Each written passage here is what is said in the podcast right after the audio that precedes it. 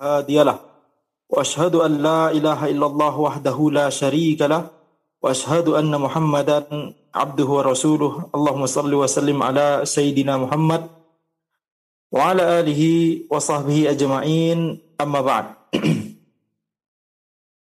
Baik, insya Allah kita akan lanjutkan pada majelis kita kali ini ya pembahasan kita tentang Kitab Tauhid alladzi huwa haqqullahi 'alal abid karya Syekhul Islam Muhammad bin Abdul Wahab rahimahullah taala. Di mana uh, kita sampai pada pembahasan ya tentang tawakal kepada Allah Subhanahu wa taala dan kemudian nanti akan dilanjutkan di bab setelahnya yaitu tentang ar-raja berharap kepada Allah Subhanahu wa taala. Ya maka ini termasuk dalam rangkaian ya uh, amalan ibadah hati rukun ibadah yang disebutkan oleh penulis di sini. Setelah sebelumnya penulis membahas tentang uh, bab cinta kepada Allah, mahabbatullah. Kemudian setelah itu membahas tentang khauf, ya takut kepada Allah Subhanahu wa taala. Itu rukun kedua dan itu juga adalah amalan ibadah hati. Cinta kepada Allah adalah amalan ibadah hati. Demikian pula khauf juga adalah amalan uh, ibadah hati. Kemudian setelah itu penulis masuk pada pembahasan tentang tawakal. Ya.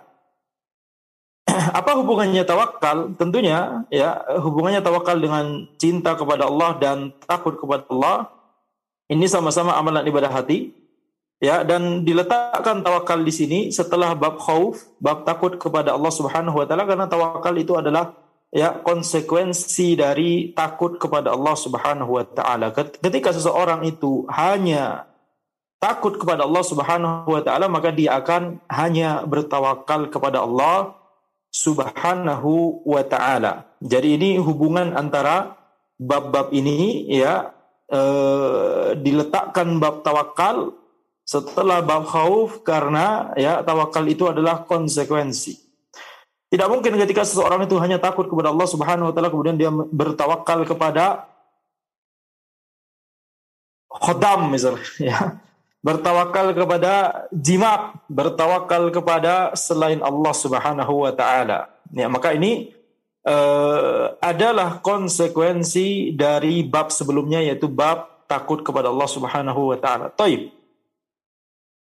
Penulis berkata, bab qaulillahi ta'ala wa 'ala Allah fatawakkalu in kuntum mu'minin. Hanya kepada Allah lah ya eh, kalian itu harus bertawakal in kuntum mu'minin jika kalian itu beriman. Maka pada ayat ini Allah Subhanahu wa taala memerintahkan. Ini adalah kalimat perintah. Wa 'ala Allahi fatawakkalu.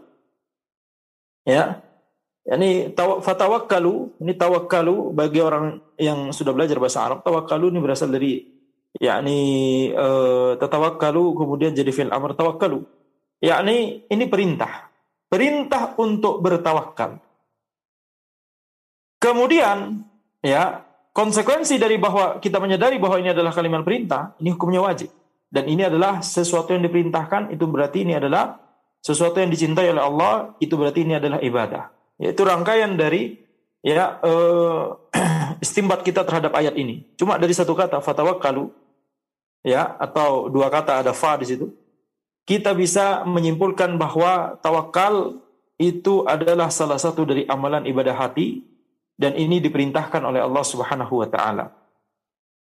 Kemudian setelah itu, kita juga beristimbat dari ayat ini, ya, sebagaimana yang telah kita sebutkan sebelumnya. Kalau kita belajar akidah, sudah sampai pada marhalah kita tauhid, maka kita harus mempelajari akidah langsung dari dalil, ya. Jadi kita harus mengekstrak eh, masalah-masalah akidah atau eh, kaidah-kaidah dalam masalah akidah langsung dari dalil ya minimal yang disebutkan oleh penulis di di kitab tauhid ini. Kita lihat ya Allah Subhanahu wa taala uh, Allah Subhanahu wa taala berfirman di awal uh, yakni di di di ayat ini wa 'alallahi fatawakkal. Ya, wa 'alallahi fatawakkalu. Seharusnya kalau kita melihat uh, urutan bahasa Arab yang seharusnya ya penggunaan atau penyusunan struktur kalimat dalam bahasa Arab yang seharusnya adalah fatawakkalu 'ala Allah. Ya, jadi Allahnya harusnya setelah fatawakkalu. Tapi di sini wa 'alallahi, yakni Allahnya diletakkan di ya di depan sebelum kata fatawakkalu. Ini menunjukkan bahwa ya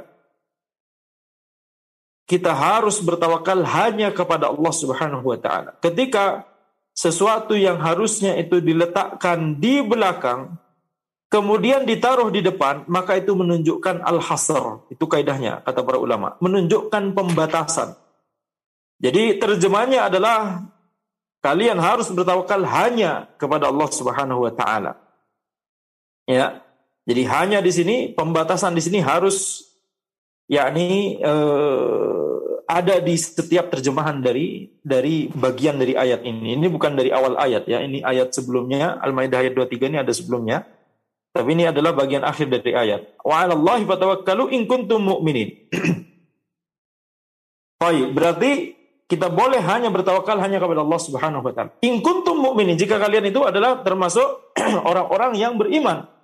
Maka Allah Subhanahu wa taala mengkaitkan antara tawakal dengan keimanan. yakni sifat seorang yang beriman adalah dia harus memiliki tawakal hanya kepada Allah Subhanahu wa taala.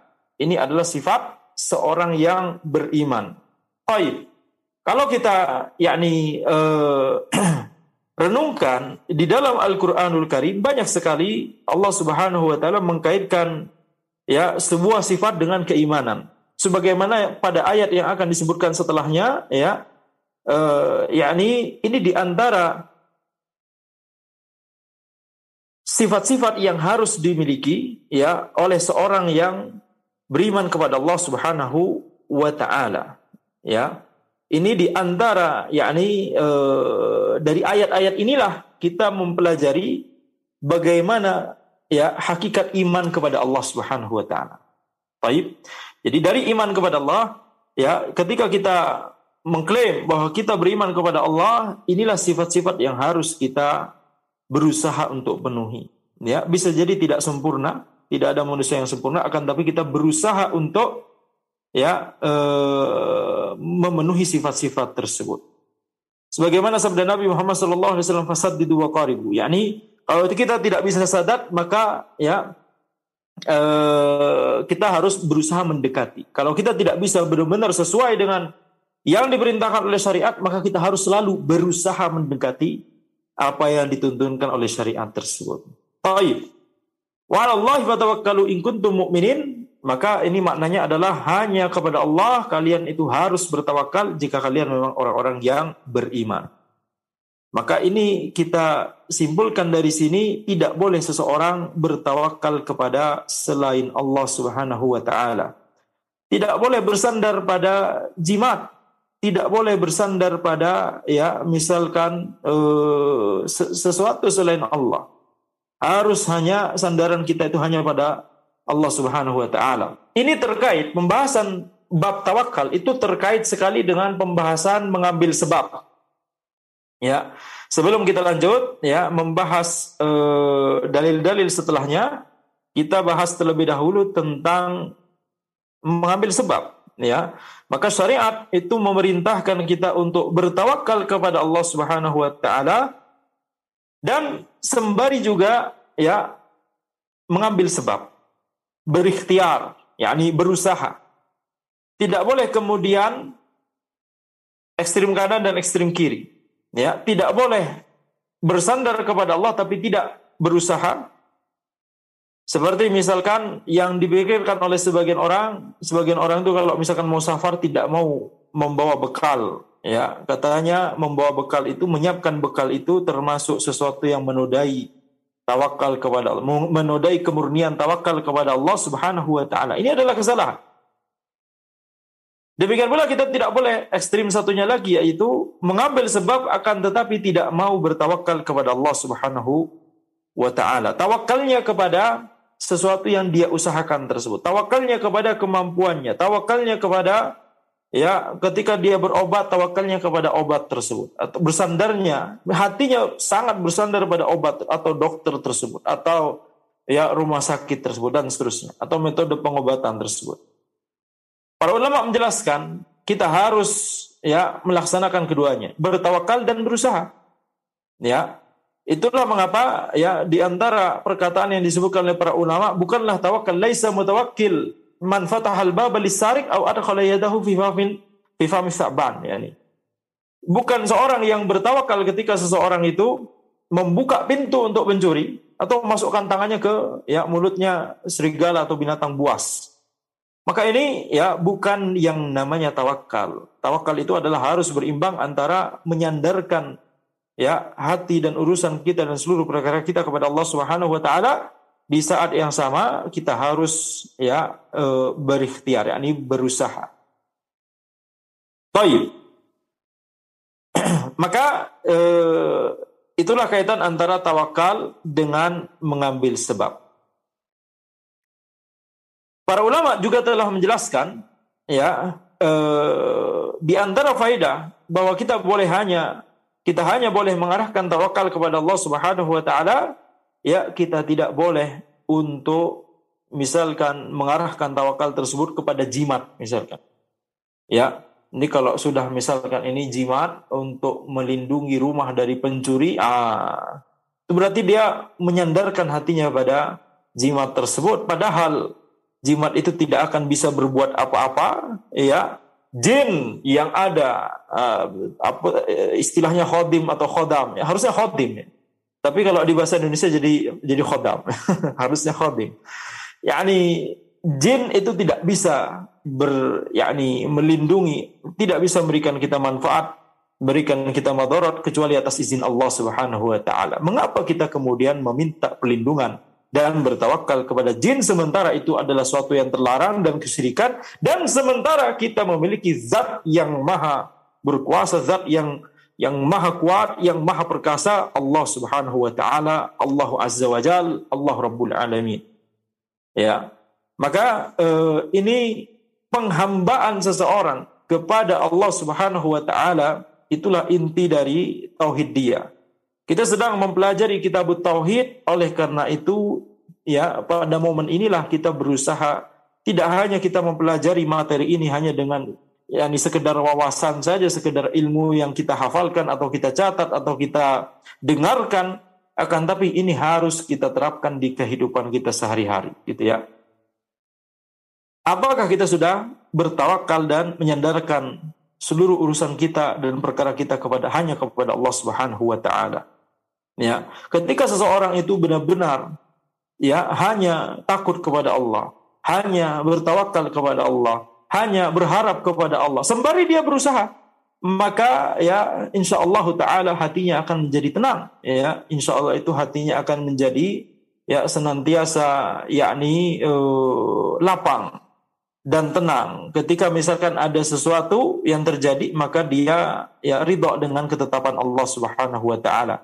Ketika ada sesuatu ya, maka dia hanya berharap kepada Allah Subhanahu wa taala.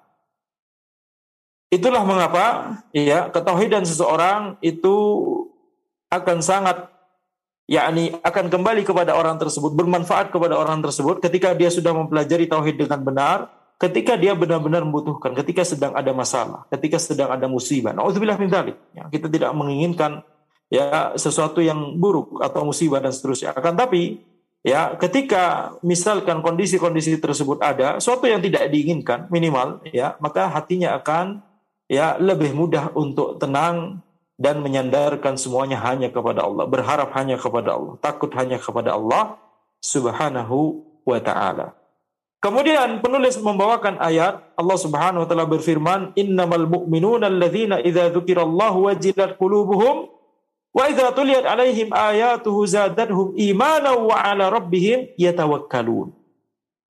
Sungguhnya orang-orang mukmin itu adalah yang ketika disebutkan lafaz jalal yang disebutkan nama Allah Subhanahu wa taala, ketika disebutkan nama Allah Subhanahu wa taala maka wajilat qulubuhum. Hati mereka bergetar. Wa idza tuliyat alaihim ayatuh.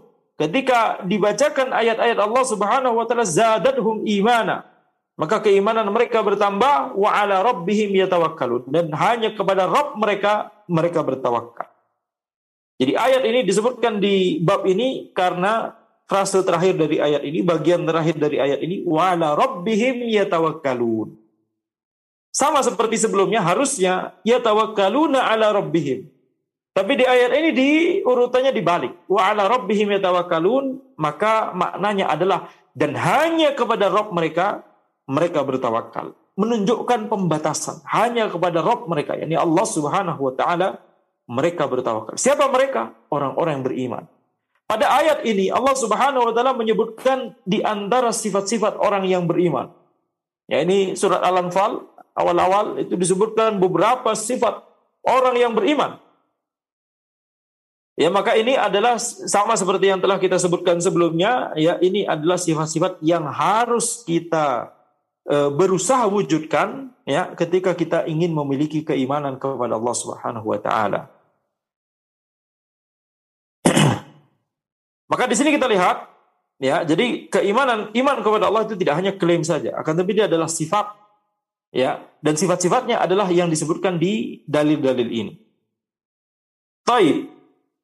Uh, apa yang dimaksud dengan wajilat kulubuhum? Yani di sini disebutkan di antara kita sebutkan uh, kita bahas sedikit ya. yakni uh, walaupun tidak tidak tidak panjang ya di antara tafsiran dari atau kandungan tafsir dari ayat ini di sini disebutkan wajilat kulubuhum hati mereka yakni wajilat. Nah wajilat itu bergetar yakni takut. Uh, merinding begitu ya gemetar dan makna-makna semacam itu. Itu wajil makna itu. Jadi di antara sifat orang beriman hatinya bergetar ketika disebutkan nama Allah Subhanahu wa taala, yakni dia memiliki rasa takut kepada Allah Subhanahu wa taala. Di ayat yang lain Allah Subhanahu wa taala berfirman, "Ala bidzikrillah tatmainnul qulub." Ah. Ya, sesungguhnya dengan mengingat Allah Subhanahu wa taala tatmainnul qulub. Hati itu menjadi tenang. Pertanyaannya sekarang, ketika mengingat Allah Subhanahu wa taala, hati kita itu harusnya gimana? Bergetar, takut atau tenang? Asual. Ah, Kev, gimana ini? Di antara tujuan yang menjadi target kita ketika kita mempelajari agama itu kita harus semangat untuk mengambil faidah langsung dari dalil, memahami dalil.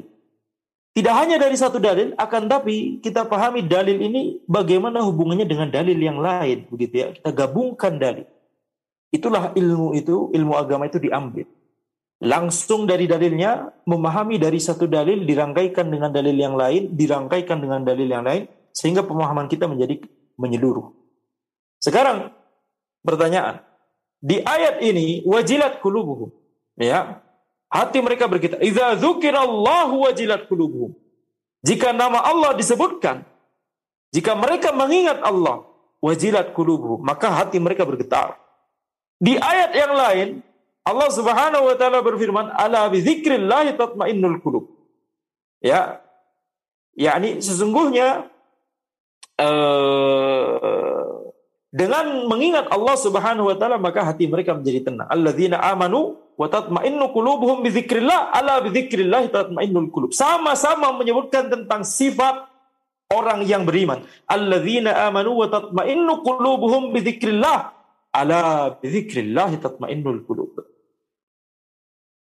Sama-sama menyebutkan sifat orang beriman. Di ayat yang satu menyebutkan ketika seorang yang beriman tersebut mengingat Allah, maka hatinya bergetar, hatinya takut.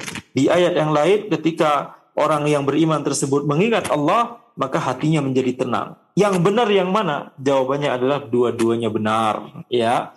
Gabungan dari kedua ayat ini, ya, itulah mengapa kita katakan hati itu harus menggabungkan takut dan berharap kepada Allah Subhanahu wa taala.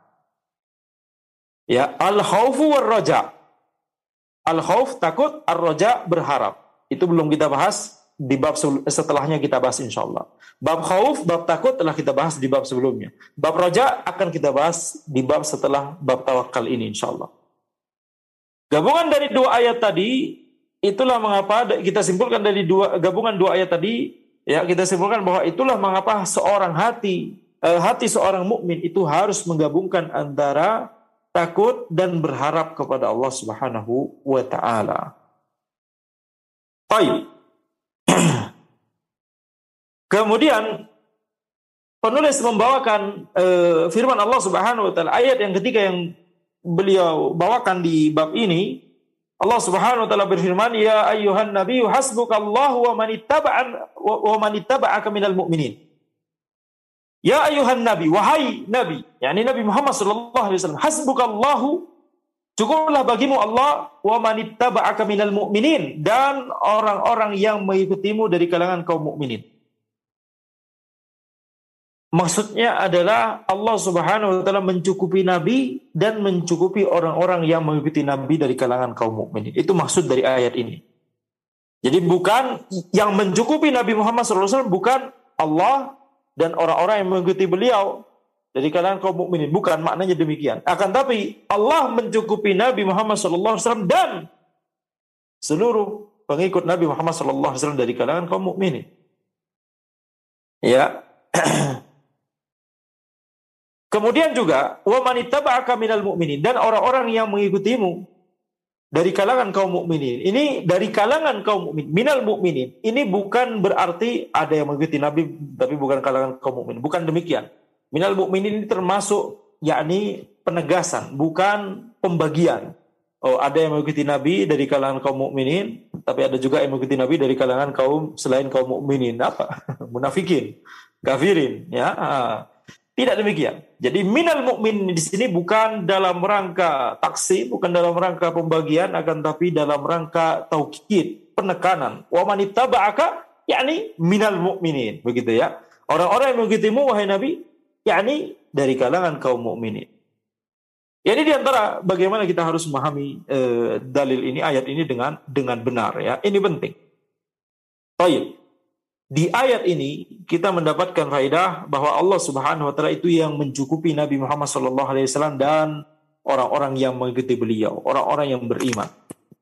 Jadi wajib bagi kita ya untuk menjadikan Allah Subhanahu wa taala satu-satunya ya zat yang kita mohon perlindungannya. Satu-satunya zat yang kita mohon ya seluruh hajat-hajat kita kepadanya Allah Subhanahu wa taala mencukupi kita. Allah Subhanahu wa taala ya uh, sebagaimana Allah Subhanahu wa taala mencukupi Nabi Muhammad sallallahu alaihi wasallam dahulu. Ya. Maka uh, di sini kita lihat ya uh, para ulama menjelaskan hasab itu hanya harus kita hanya sandarkan hanya kepada Allah Subhanahu wa taala.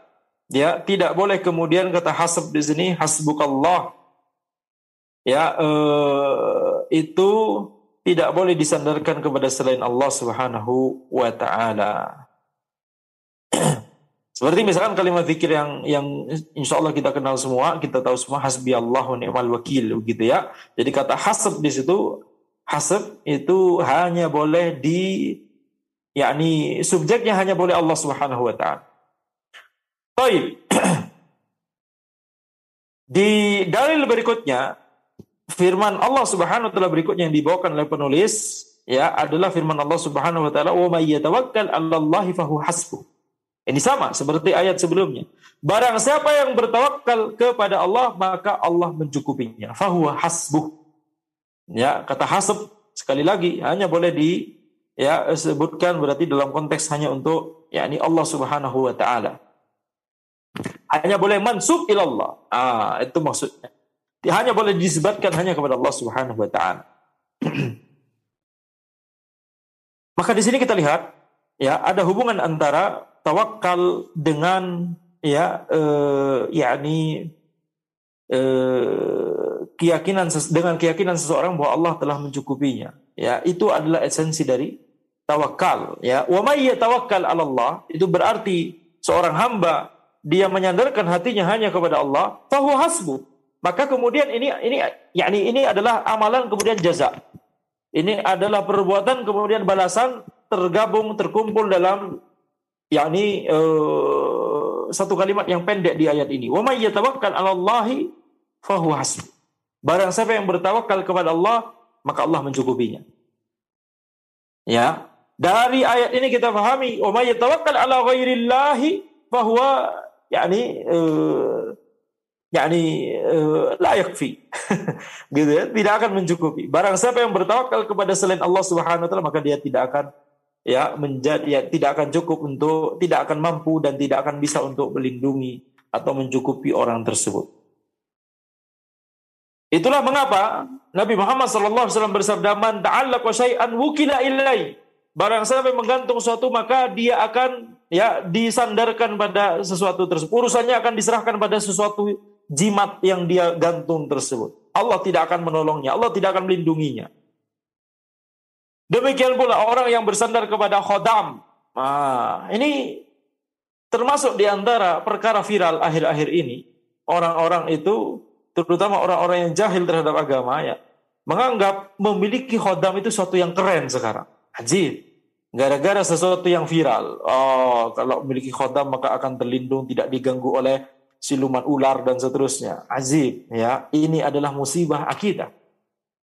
Ya, justru memiliki khodam itu justru ya menjerumuskan seseorang kepada lembah kesyirikan dan tidak akan bermanfaat sama sekali. Kenapa? Kalau khodamnya ketemu khodam orang lain yang lebih kuat, khodamnya mundur teratur. Betul tidak? Nah, kalau khodamnya itu ketemu khodam atau jin lain, syaitan lain yang lebih kuat, yang lebih tinggi pangkatnya, maka khodamnya akan mundur teratur. Tidak akan melindungi orang tersebut. Hanya perlindungan Allah Subhanahu wa taala yang tidak bisa ditembus oleh apa pun dan siapa pun. Yang keren itu adalah kalau seseorang itu berlindung kepada Allah Subhanahu wa taala. Ya, umayya tawakkal 'ala Allah fahu hasbi.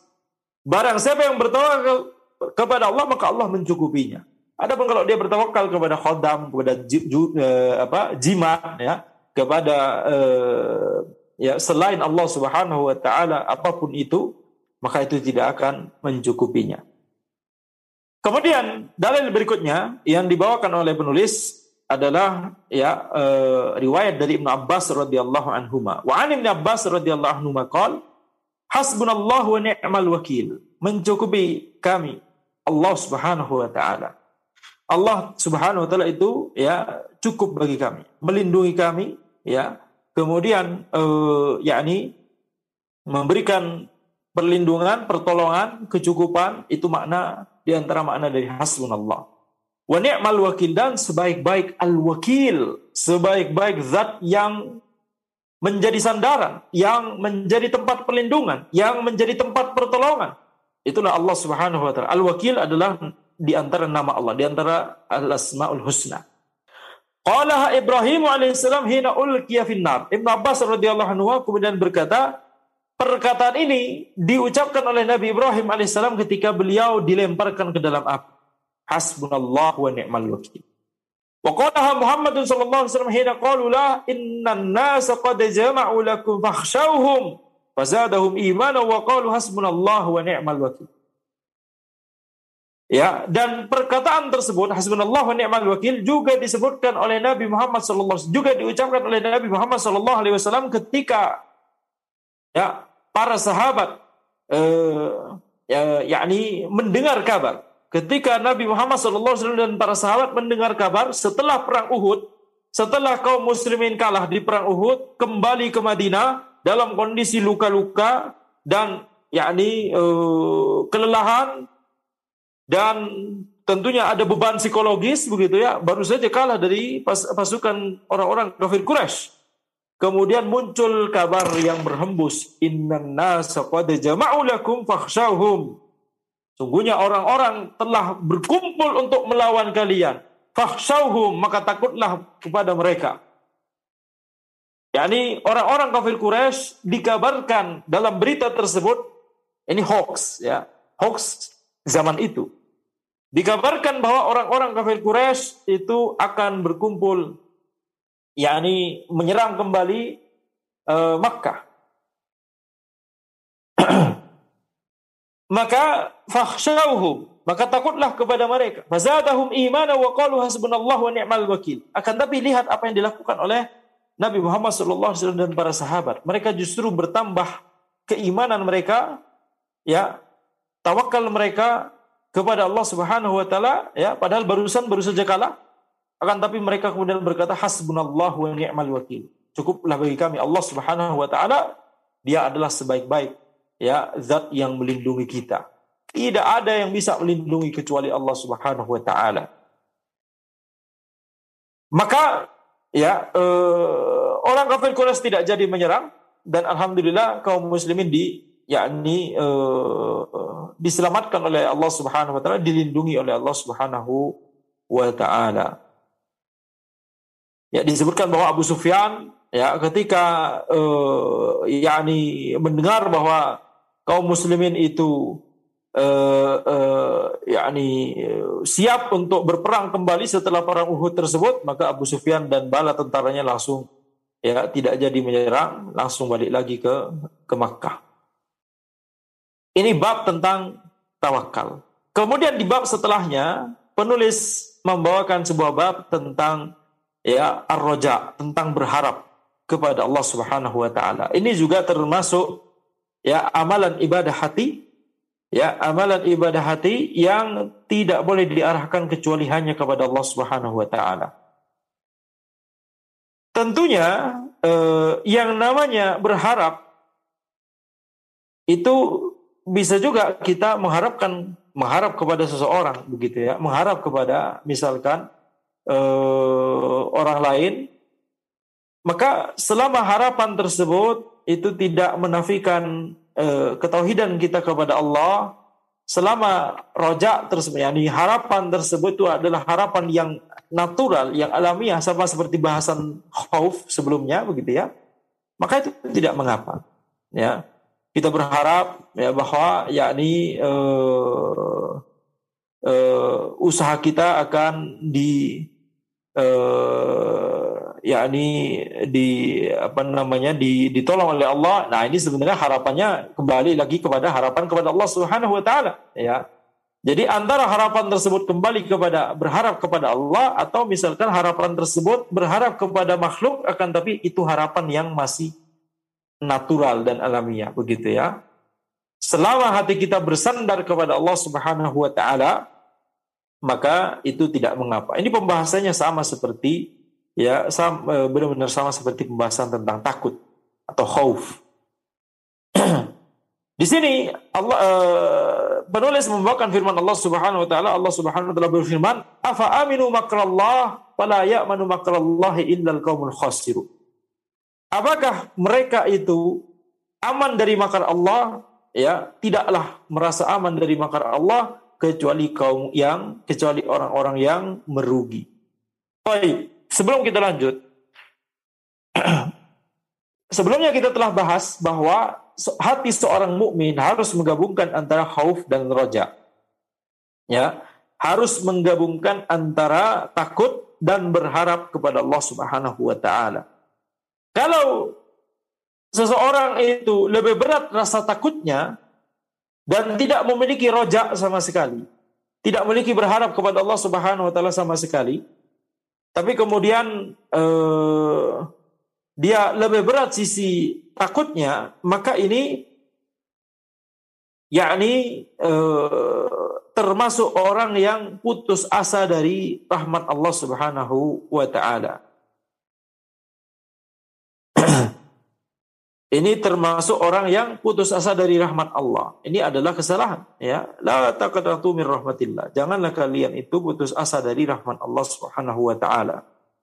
Itu kalau khaufnya lebih berat. Sebaliknya kalau misalkan seseorang itu rojaknya lebih berat, seperti ya berarti dia benar-benar berharap kepada Allah tapi tidak takut kepada Allah Subhanahu wa taala, maka ini termasuk orang yang aman dari makar Allah. Jadi kalau khaufnya lebih berat, itu berarti orang ini putus asa dari rahmat Allah. Dan kalau rojaknya lebih berat, maka berarti orang ini ya merasa aman dari makar Allah Subhanahu wa taala. Dan keduanya sama-sama adalah merupakan sebuah kesalahan dan nanti ini adalah amalan ibadah hati. Salah dalam masalah amalan ibadah hati khauf dan roja ini akan berujung pada amalan. Contoh, ketika seseorang uh, lebih berat khaufnya, tidak memiliki rojak sama sekali, akan tetapi ya dia memiliki khauf kepada Allah Subhanahu wa taala jadi tidak seimbang begitu ya dia hanya memiliki khauf tapi tidak memiliki roja berharap maka ya yang akan terjadi adalah dia akan yakni e, berlebihan akan hulu dalam masalah dosa dan kemaksiatan ya orang tersebut akan menganggap pelaku dosa besar ini berarti yakni orang yang melakukan dosa besar ini tidak akan diampuni oleh Allah Subhanahu wa taala. Dia putus asa dari rahmat Allah. Dia putus asa dari ampunan Allah Subhanahu wa taala. Itu kalau khaufnya lebih besar. Kalau ya bukan lebih besar saja ya, tapi khauf cuma dia punya khauf. Khaufnya mendominasi. Nah, nah ya, karena terkadang ya eh, para ulama menjelaskan Ya, jadi sekedar lebih besar atau lebih kecil itu tidak masalah dalam beberapa kondisi. Misalkan ketika seorang itu sedang sakit, maka hendaknya ya dia lebih beratkan sisi roja, berharap kepada Allah. Tapi ketika seorang itu sedang sehat, dia hendaknya lebih beratkan sedikit ya khauf, yang ditakut kepada Allah Subhanahu wa taala. Ya, itu sebagian ulama berkata demikian gitu ya. Akan tapi tentunya hukum asalnya adalah ini harus seimbang antara khauf dan roja. Kalau khaufnya mendominasi, maka orang ini akan terjatuh dalam kesalahan terkait dosa dan kemaksiatan. Dia akan menganggap dosa dan kemaksiatan ya pelaku dosa besar ya itu tidak akan diampuni oleh Allah Subhanahu wa taala.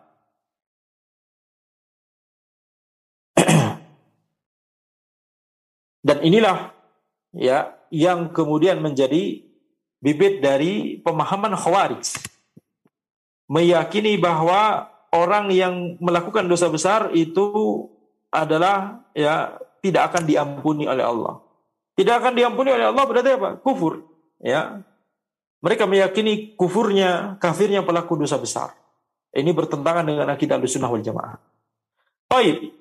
Di spektrum eh, sebaliknya, di spektrum yang lain, ketika seseorang memiliki rojak yang mendominasi, rojaknya mendominasi, ya berharapnya kepada Allah itu yang mendominasi daripada rasa takutnya kepada Allah, maka dia akan merasa aman dari makar Allah.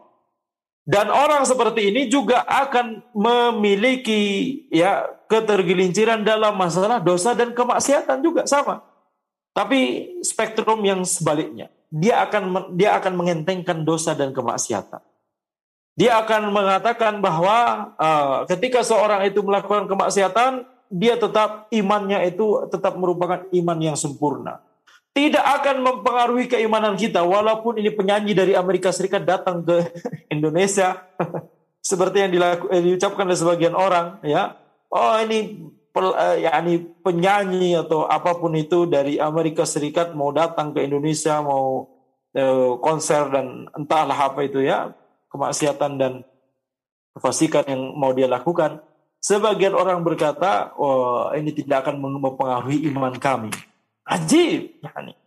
Ini kemaksiatan dan e, kefasikan dianggap tidak mempengaruhi keimanan. Itu adalah termasuk konsekuensi dari ketika seseorang itu rojaknya mendominasi dan tidak memiliki khauf kepada Allah Subhanahu wa taala. Inilah yang kemudian menjadi cikal bakal pemahaman Murji'ah. Demikian pula ketika seseorang berkata yang penting itu hatinya walaupun tidak berjilbab. Ah, ya, buat apa berjilbab kalau hatinya masih buruk? Ah, begitu ya. Buat apa hatinya bagus kalau tidak berjilbab? Sama aja. begitu kan kita jawab demikian. Ya. Jadi merasa bahwa tidak berjilbab itu tidak akan mempengaruhi keimanan, tidak akan mempengaruhi hatinya. Yang penting hatinya itu baik. Ya, baik dulu. Padahal ketika dia berjilbab, ketika dia tidak berjilbab, ya afwan, ketika dia tidak berjilbab itu menunjukkan bahwa hatinya tidak mau mengikuti perintah Allah, berarti hatinya buruk. Ini adalah contoh ya bagaimana kesalahan dalam masalah amalan ibadah hati itu akan mempengaruhi amalan. Akan mempengaruhi perkataan dan sikap dan amalan dan perbuatan. Ya, berbahaya. Sebagaimana yang telah kita sebutkan, eh, minimal eh, mungkin tidak pernah disebutkan di majelis ini ya. Seluruh penyimpangan dari umat-umat terdahulu awalnya berasal dari pemahaman yang salah terkait antara terkait nama dan sifat Allah atau terkait amalan ibadah hati. Yang ini juga kembali kepada masalah akidah kepada Allah Subhanahu wa taala. Akidah tentang Allah Subhanahu wa taala. Ya. Kita lihat misalkan Nasoro, apa kesalahan mereka? Mereka kesalahannya terkait lam yalid lam yulad. Mereka meyakini bahwa ada ya uh, tiga Tuhan dan ada yang bapak, ada yang anak dan seterusnya. Ini masalah akidah. Kita lihat orang Yahudi, mereka meyakini bahwa yakni Allah Subhanahu wa taala tidak mengetahui ketika mereka itu mengubah ayat-ayat Taurat mereka. Ketika ayat Taurat diturunkan, kemudian ada ayat yang tidak sesuai dengan selera mereka, mereka ubah. Mereka tidak menyadari bahwa Allah mengetahui ketika mereka mengubahnya.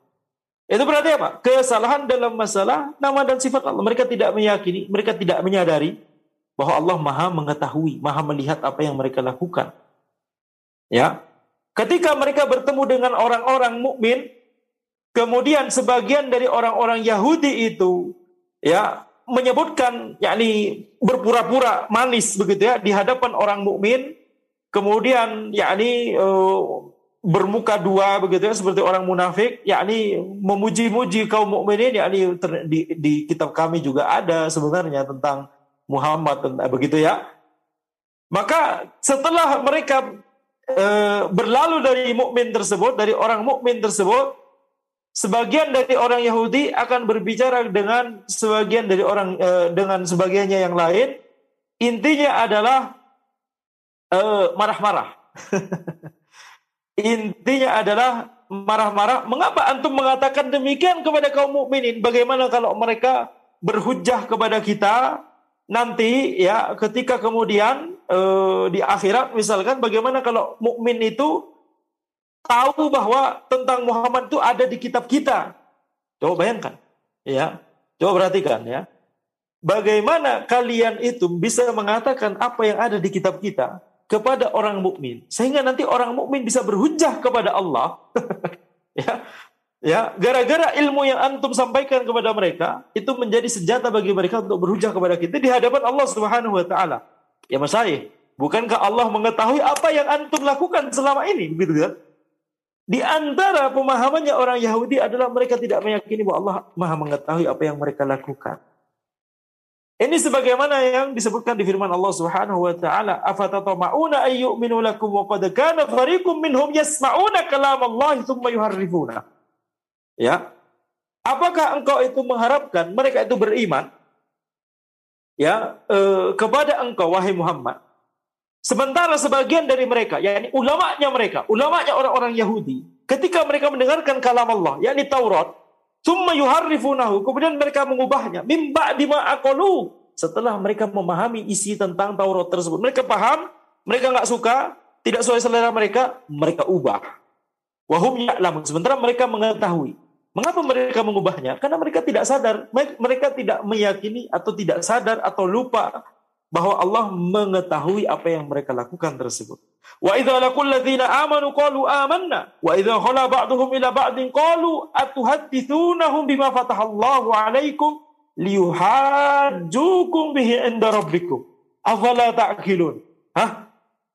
Ketika sebagian dari orang Yahudi tersebut atau ketika orang-orang Yahudi tersebut bertemu dengan orang yang beriman, orang Yahudi berkata, kami beriman. yakni e, menyebutkan tentang ayat-ayat yang di Taurat yang ber, yang menyebutkan tentang Nabi Muhammad SAW, yakni membocorkan ya sebagian ayat Taurat kepada kaum mukminin.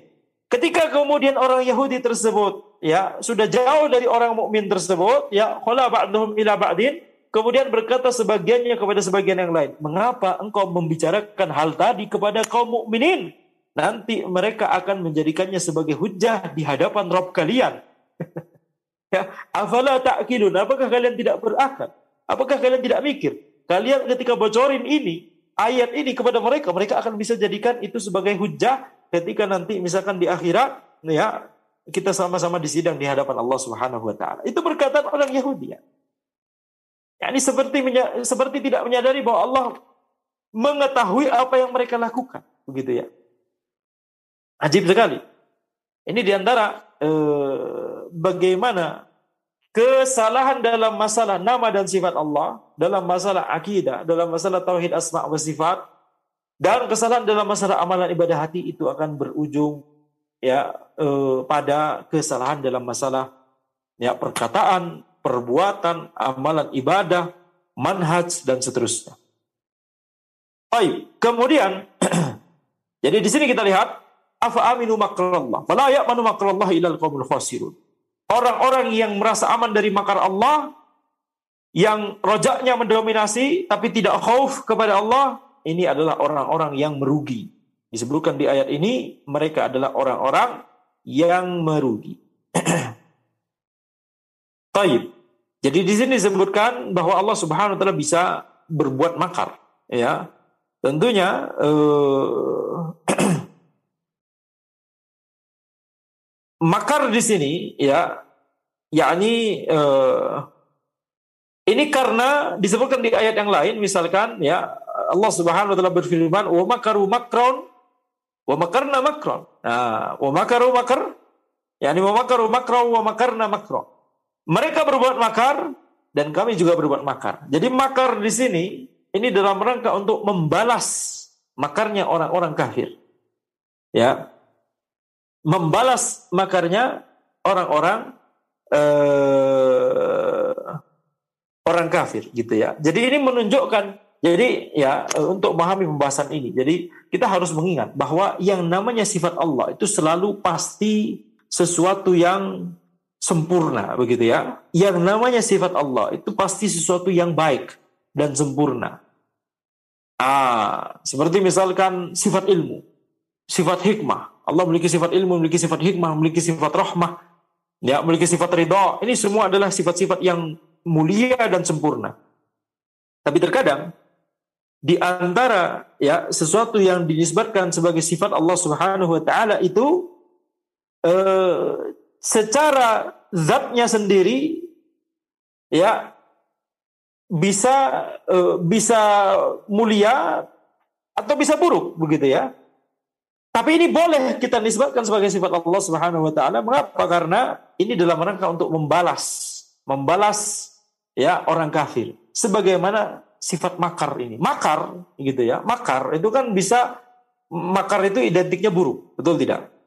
Mengapa kemudian di sini di ayat ini disebutkan ya afa aminu makrallah. Allah berbuat makar begitu ya. Apakah ini kemudian sifat yang sempurna dan mulia yang boleh kita nisbatkan kepada Allah? Naam. Mengapa? Demikian karena makar Allah di sini adalah dalam rangka membalas makarnya orang kafir. Dan berarti penisbatan makar kepada Allah Subhanahu wa taala ini menunjukkan kesempurnaan dan kemuliaan. Mengapa? Karena Allah Subhanahu wa taala Maha kuasa untuk membalas orang kafir. Ah, jadi kesempurna, sisi kesempurnaan dan kemuliaannya berada pada eh, aspek bahwa Allah Subhanahu wa taala Maha kuasa untuk membalas mereka ya dengan dengan pembalasan yang lebih dengan sebaik-baik pembalasan. Ya, itulah mengapa makar Allah itu di ayat-ayat yang lain disebutkan uh, sebagai balasan terhadap makarnya orang-orang kafir. Wa makaru makran, mereka berbuat makar, wa makarna makran dan kami juga berbuat makar. Wa hum la yash'urun, sementara mereka tidak sadar. Wa yamkuruna wa yamkurullahu wallahu khairul makirin.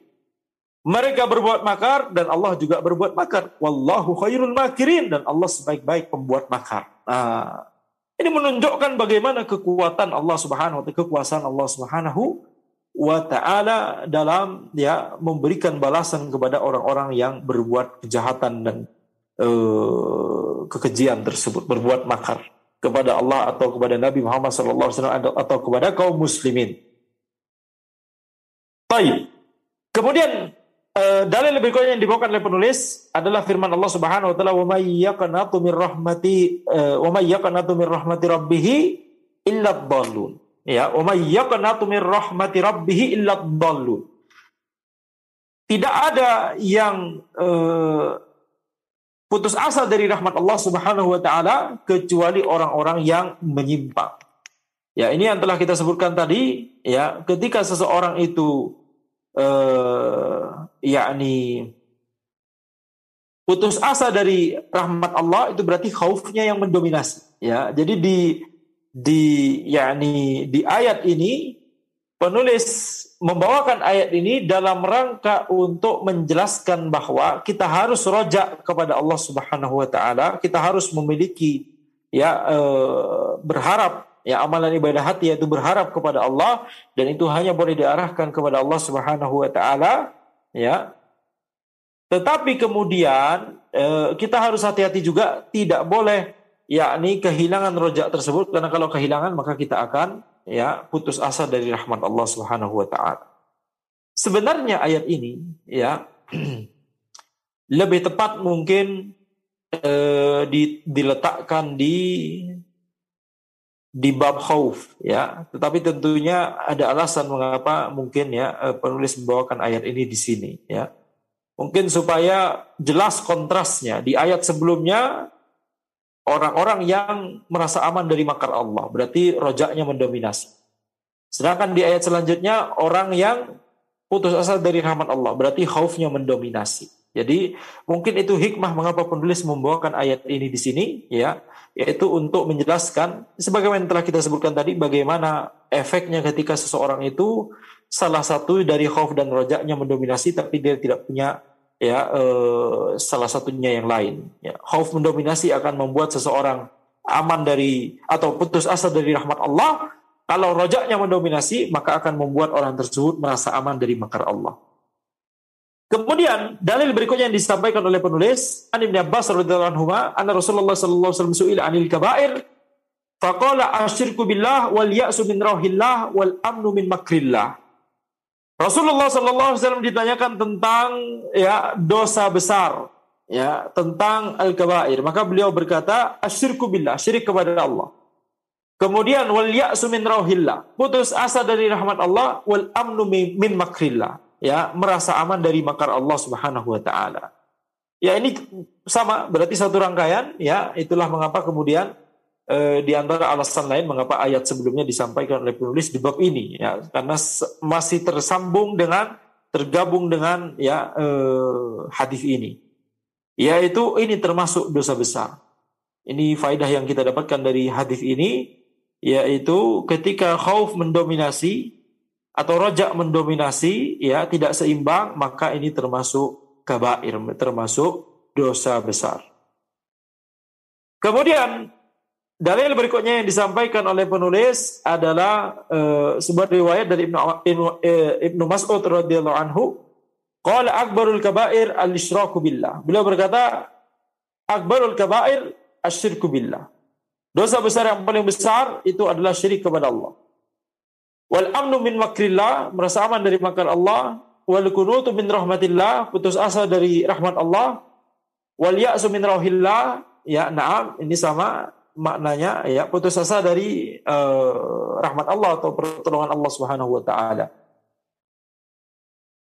Baik, maka di sini kita lihat ini sama uh, uh, intinya dengan riwayat sebelumnya. Yang sama-sama bermakna bahwa ini termasuk dosa besar ya. Bahkan di riwayat ini disebutkan ini dosa besar yang paling besar. Maka dari sini kita mengambil pelajaran ya bahwa yang namanya khauf dan roja itu harus seimbang. Kemudian kita juga lengkapi dengan mahabbah, cinta kepada Allah. Tiga amalan ibadah hati ini, ini adalah rukun ibadah. Apa maksud rukun ibadah? Maksudnya adalah seluruh ibadah kita harus dibangun di atas tiga amalan ibadah hati ini. Mahabbah, cinta kepada Allah, khauf, takut kepada Allah, dan roja, berharap kepada Allah subhanahu wa ta'ala. Jangan sampai ya ketika kita melakukan amalan ibadah, ketika kita melakukan aktivitas kita sehari-hari, cuma dominasi pada salah satunya atau cuma dua di antara tiga ini. Harus ketiganya harus ada, yaitu mahabbah, cinta kepada Allah, khauf, takut kepada Allah, dan roja, berharap kepada Allah Subhanahu wa ta'ala. Demikian yang bisa kami sampaikan pada pertemuan kita kali ini. Ya, insya Allah kita lanjutkan di pertemuan berikutnya. Silakan uh, sesi tanya jawab. Anda kembalikan kepada Syekh Abu Muhammad.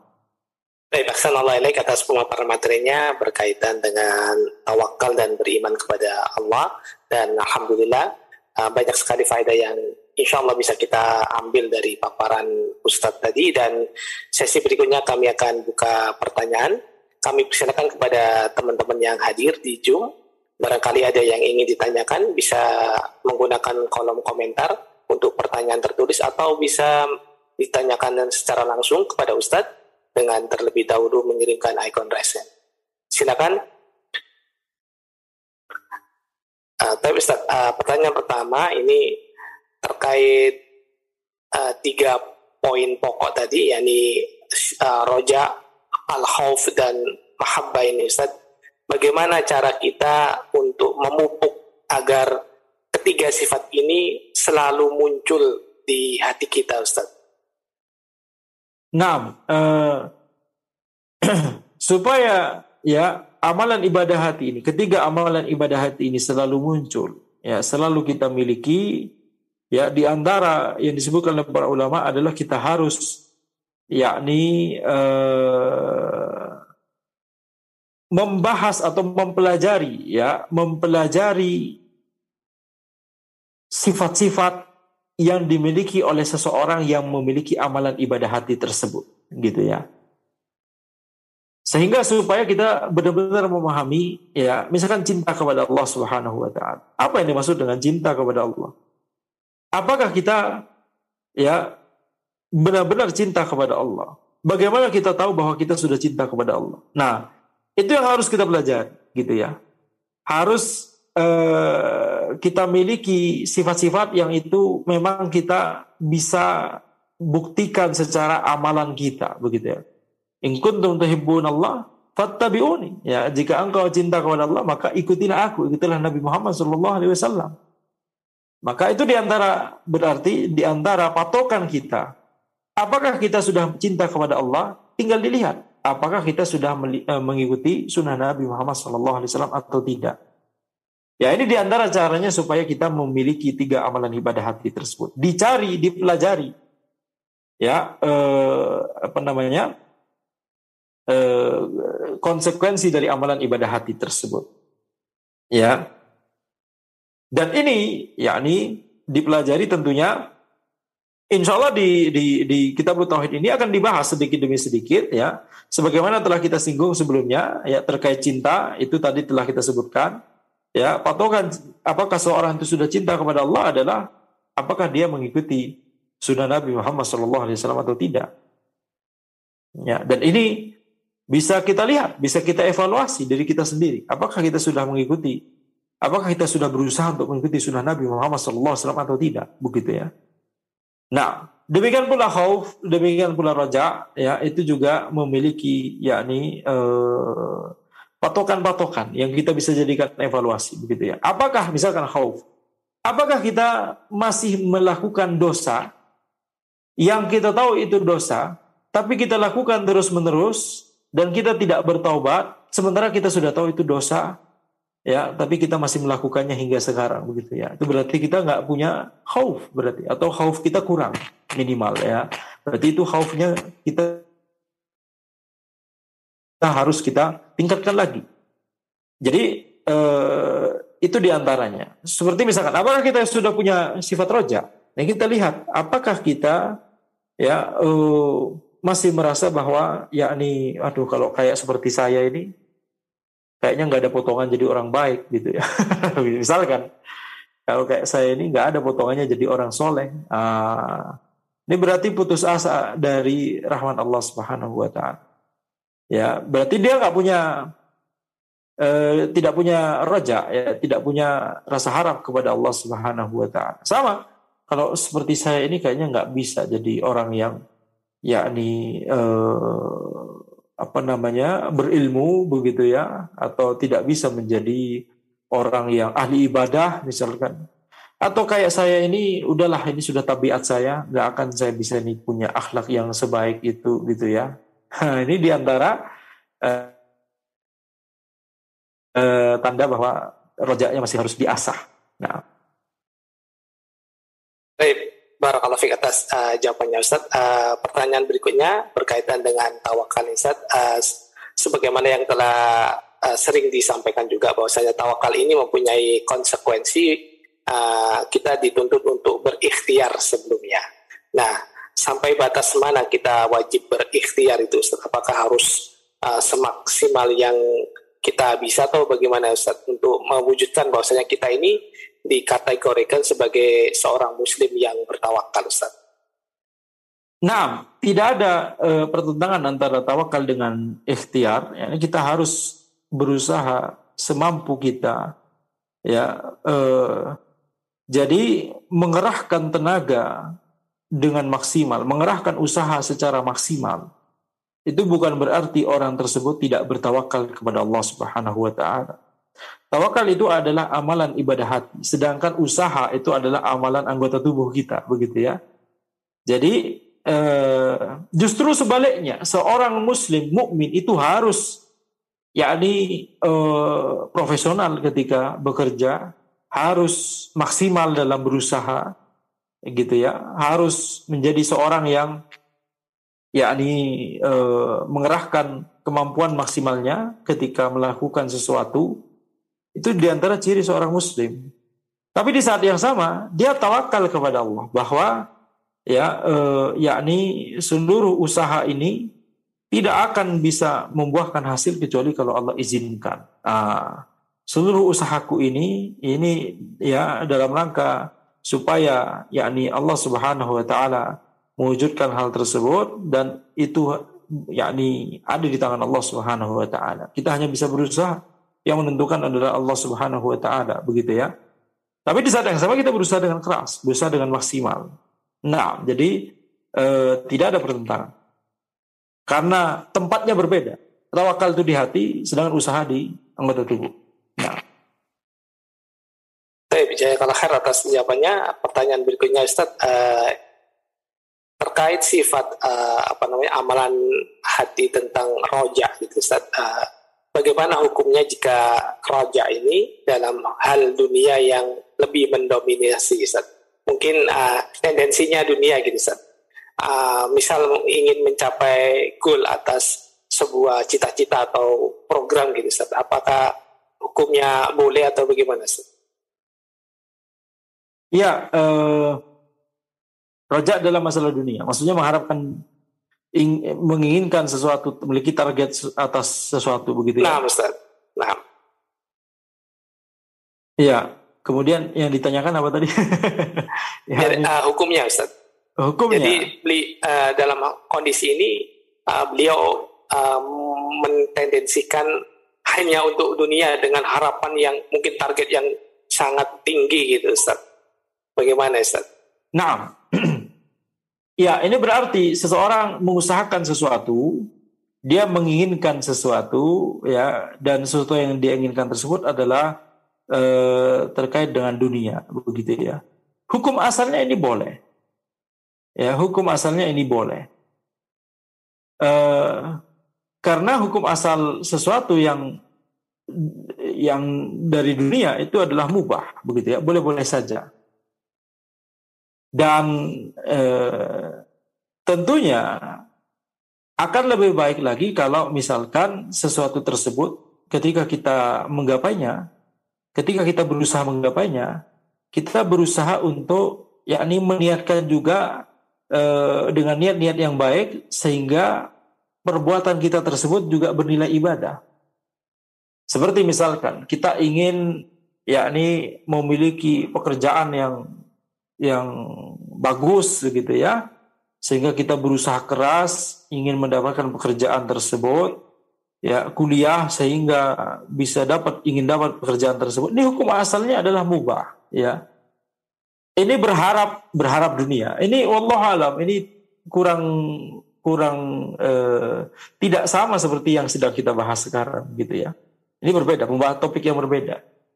Tapi tidak masalah. Jadi ketika orang tersebut misalkan eh, menginginkan dunia tersebut, hukum asalnya mubah, akan tetapi Ya, kalau misalkan dia niatkan eh, ketika dia berusaha menggapai sesuatu yang mubah tersebut, dia niatkan dengan sesuatu yang baik, dengan niat-niat yang baik, maka ya usahanya akan bernilai ibadah.